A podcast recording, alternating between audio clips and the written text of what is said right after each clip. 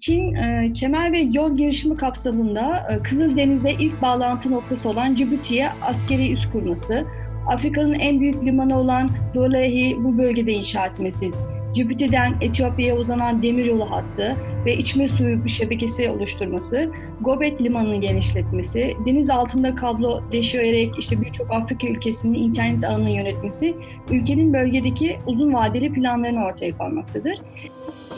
Hayata kulak ver. Kulağını sokağa aç. Haberi duy. Haber podcastle buluştu. Kısa Dalga Podcast. Merhaba. Dünya Sağlık Örgütü tarafından pandemi olarak ilan edildiği 11 Mart 2020 tarihinden bu yana COVID-19 salgınını ağırlıklı olarak gelişmiş merkez kapitalist kuzey ülkelerinde ortaya çıkan sağlık krizi, ekonomik resesyon riski ve kriz yönetiminin sınıfsal niteliği üzerinden tartıştık. Başta Amerika Birleşik Devletleri, İngiltere, Çin, Avrupa Birliği ülkeleri ve Rusya olmak üzere küresel askeri ve iktisadi rekabetin tüm büyük oyuncuları vatandaşlarına en temel sağlık hizmetlerini ve materyallerini sağlayamadılar. Bugün de kamu sağlığı öncelikli değil, ekonomik yaşamın bir an önce restore edilmesi mantığıyla halen kriz yönetimini sürdürmekteler. Ve bu politikalar nedeniyle salgının küresel ölçekte yaratacağı can kaybı ve salgında ikinci ve üçüncü dalga olasılıkları endişe yaratmaya devam ediyor.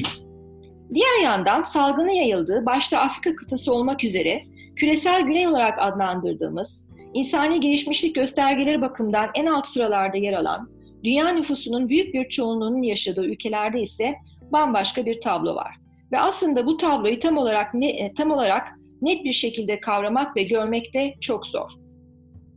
Özellikle Afrika ülkelerinde salgının ortaya çıkışı ve seriyle ilgili bilgiler dünyanın geri kalanına göre çok daha güvenilmez. Dünya Sağlık Örgütü verilerine göre Afrika'da salgın ilk olarak 14 Şubat'ta Mısır'da görüldü. Daha sonra Cezayir ve Nijerya gibi ülkelere doğru yayıldı ve 28 Şubat ve 19 Mart tarihlerine gelindiğinde salgının 34 kadar ülkeye yayıldığı ve bu tarihten itibaren de çok daha geniş çaplı kayıplara yol açabileceği duyuruldu. Bunun üzerine Afrika ülkeleri de klasik tedbirleri uygulamaya başladılar. Havaalanları kapatıldı, sınırlar kapatıldı ve vaka sayıları kontrol altına tutulmaya çalışıldı. Tabii Afrika'daki en önemli sorun yetişmiş sağlık görevlisi sorunu ve online eğitimlerle bu bölgedeki birçok ülkede sağlık görevlileri yetkin hale getirilmeye çalışıldı. Bugün itibariyle bütün bir Afrika kıtasında vaka sayısı 110 bin civarında olarak bildiriliyor ki bu da oldukça tartışmalı bir rakam gibi görünüyor. Ee, diğer yandan da tabii Afrika'da e, çok enteresan e, bir durum da var. Çünkü bir bütün olarak Afrika kıtası ve kıta içindeki bazı alt bölgelerde bir süredir küresel güç rekabetinin konusu olmaya başladılar. Mesele şu ki bu bölgelerdeki büyük güç rekabeti yani jeopolitik rekabet bu ülkelerdeki mevcut insani krizi çok daha derinleştiren bir rol oynuyor. Çünkü bu bölgelerdeki büyük güç siyaseti, bu güç siyasetleri tarafından desteklenen iktidar seçkinleri ve devlet altı gruplar, terörist örgütler ve çok farklı iktidar odakları ülke kaynaklarını sömürebildikleri iktidar düzenlerini bu küresel güç rekabeti sayesinde devam ettirebiliyorlar. Bugün dış politikada kadınlar üyelerinden Özlem Özdemir ile birlikte e, Afrika boynuzundaki durumu konuşacağız. Özlem dış politikada kadınlar için bir rapor kaleme aldı ve özellikle Afrika boynuzundaki küresel rekabetin COVID-19 salgınından nasıl etkilendiğini anlattı bu raporda. E, bu rapor üzerinden bir sohbet gerçekleştireceğiz Özlem'le. E, ilk sorum şu şekilde olacak. E, Afrika boynuzunun küresel bir stratejik rekabet konusu olmasının nedenleri neler e, Özlem? Merhaba. E, Afrika boynuzu e, Cibuti, Eritre, Somali ve Etiyopya'yı kapsayan ancak siyasi ve ekonomik açıdan baktığımız zaman Sudan, Güney Sudan, Kenya ve Uganda'yı da içine alan 5.2 milyon kilometre kare alanı kapsayan bir bölge. E, Afrika boynuzu Doğu Afrika bölgesinde stratejik konumda yer almaktadır. E, Afrika boynuzu ülkelerinde yaşanan tabii çatışma, ekonomik kriz, göç dalgası, mülteci krizi, kuraklık, açlık, işsizlik ve salgın hastalıklara rağmen bölge küresel ilgi odağı olma özelliğini sömürgecilik döneminden sonra bile kaybetmemiştir. E, bu nedenle imzalanan güvenlik anlaşmaları çerçevesinde ABD, Çin, Japonya, Almanya, Fransa, İtalya, İspanya, Türkiye gibi ülkelerin askeri birlikleri çeşitli stratejik bölgelerde hem üstlerini kurdukları ülkelerin iç güvenliğini sağlamak hem de yatırımlarını güvence altına almak için bu bölgeye konuşlanmışlardır. E, diğer taraftan Kızıldeniz'in ve Aden Körfezi'nin güney batısında yer alan Afrika boynuzu adeta küresel, e, küresel deniz taşımacılığına açılan bir koridor görevi görmektedir. Uzak Doğu'dan Afrika'ya, Afrika'dan Akdeniz'e, Akdeniz'den Avrupa'ya, Avrupa'dan ABD'ye deniz taşımacılığı açısından mesafesinin kısaltılması bölgenin önemini artırmaktadır. Dar bir geçit olan Yemen, Cibuti ve Eritre arasında bulunan Babel Mendeb Boğazı, dünyanın petrol ve ticaret ihracatının geçiş noktalarından birisidir.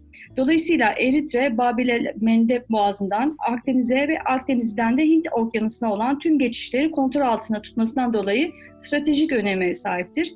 Eritre'de aynı zamanda e, Birleşik Arap Emirlikleri, Mısır, İran ve İsrail'in de asker üsleri bulunmaktadır.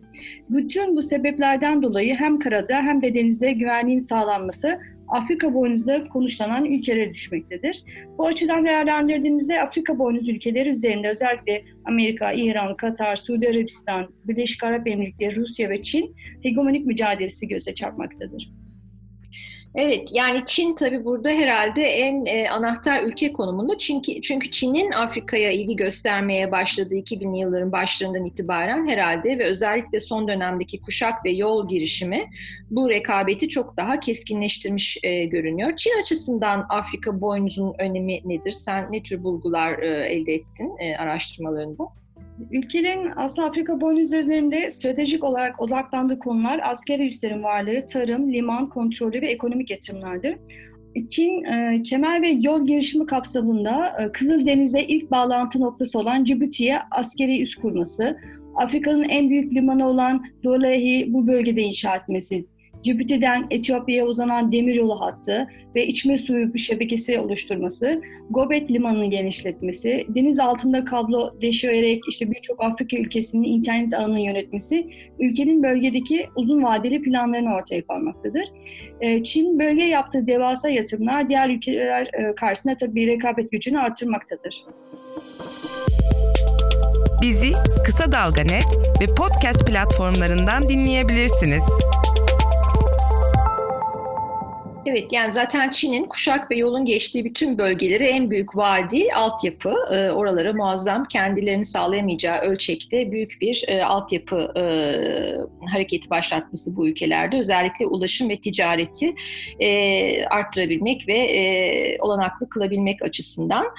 Tabii başka iki önemli ülke de herhalde özellikle Körfez'deki iki rakip güç İran ve Suudi Arabistan. Onların ilgisi de gerçekten bu bölgedeki küresel rekabeti oldukça arttırmış e, görünüyor. Bu ülkelerin bu bölgedeki çıkarları nasıl e, biçimlenmiş? Yani hangi temel e, çıkarlar üzerinden bu rekabete e, katılmış durumdalar? Bölgede etin olan, e, tabii bir aktör olan Suudi Arabistan e, bir taraftan gıda güvenliği için Afrika ülkelerinde tarım arazisi, arazisi satın almaya devam ederken diğer taraftan da güvenlik için çaba sarf ediyor. 2019 e, yılında önemli bir gelişme Suudi Arabistan'ın arabacılığını yaptığı 5 Kasım 2019 tarihinde Yemen hükümetiyle Güneş Güney Geçiş Konseyi arasında imzalanan Riyad Anlaşması'dır. Anlaşma e, Yemen'de yıllarca İran'ın desteklediği Husiler ile Hadi hükümet arasında süren iç çatışmalara sonra verme amacı taşıyordu.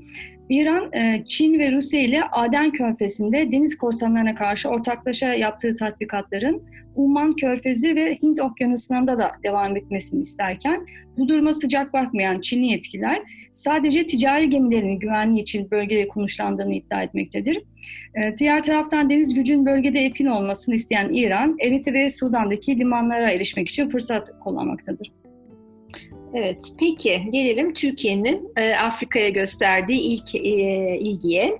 E, Türkiye'de özellikle Somali e, özel bir önem taşıyor Türkiye'nin bölgedeki e, politikaları bakımından ve Türkiye bu ülke üzerinden aslında bu rekabetin bir parçası gibi görünüyor.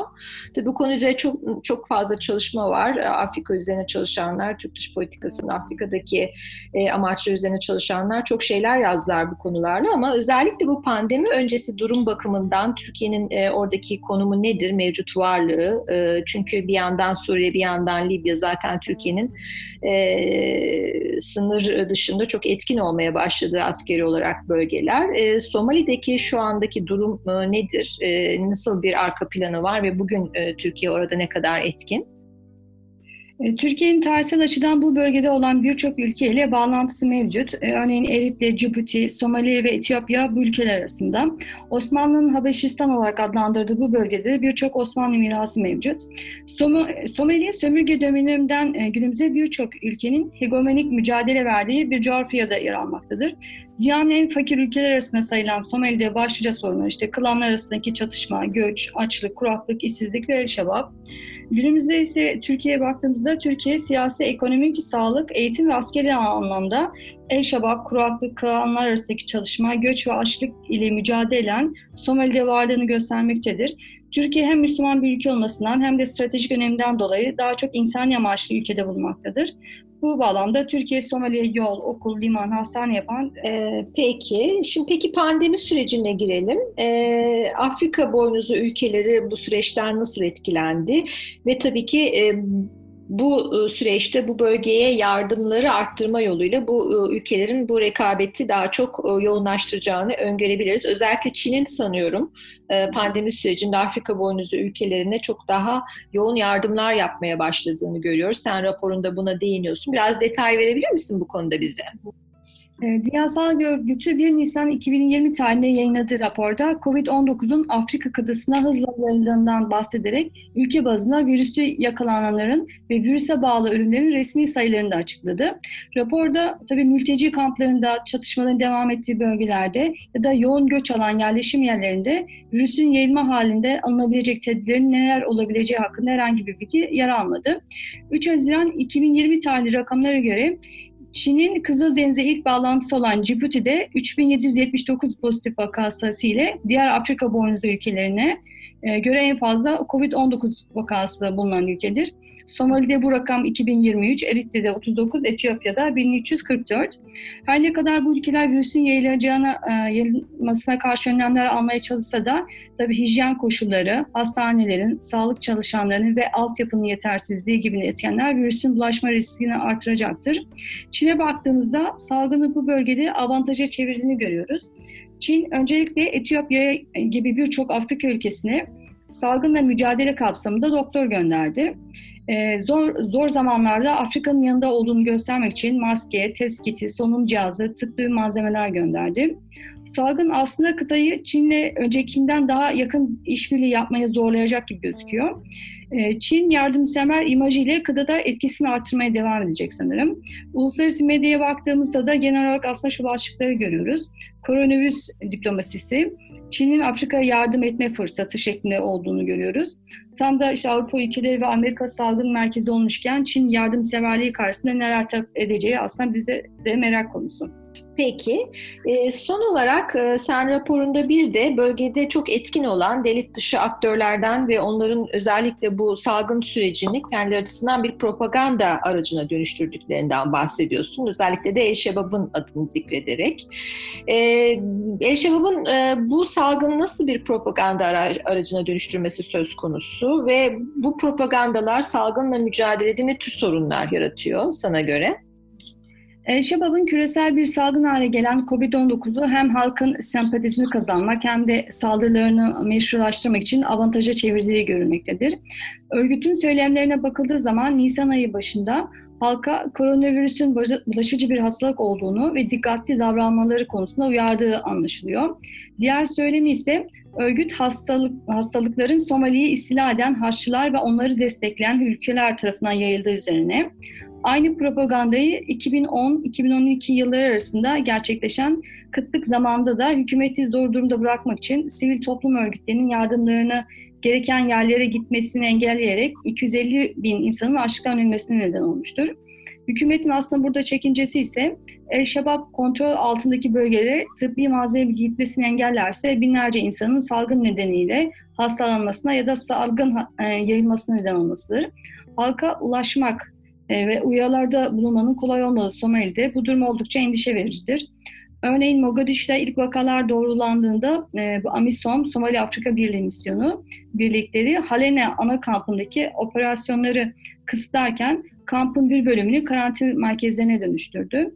Operasyonları kısıtlayan birlikler halka yiyecek ve su gibi temel kaynakları sağlamak için harekete geçti esnada El Şabab'ın saldırı, e, saldırıları yardımlarının sonlandırılmasına neden oldu.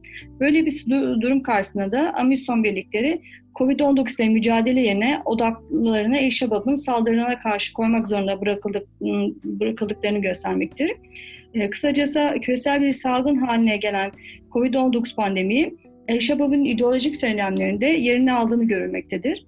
Örgüt sempati kazanmak, işte militan toplamak ve cihat ilanını meşrulaştırmak için işgalci Hristiyan ülkelerin virüsü yaydığını halka duyurmaktadır.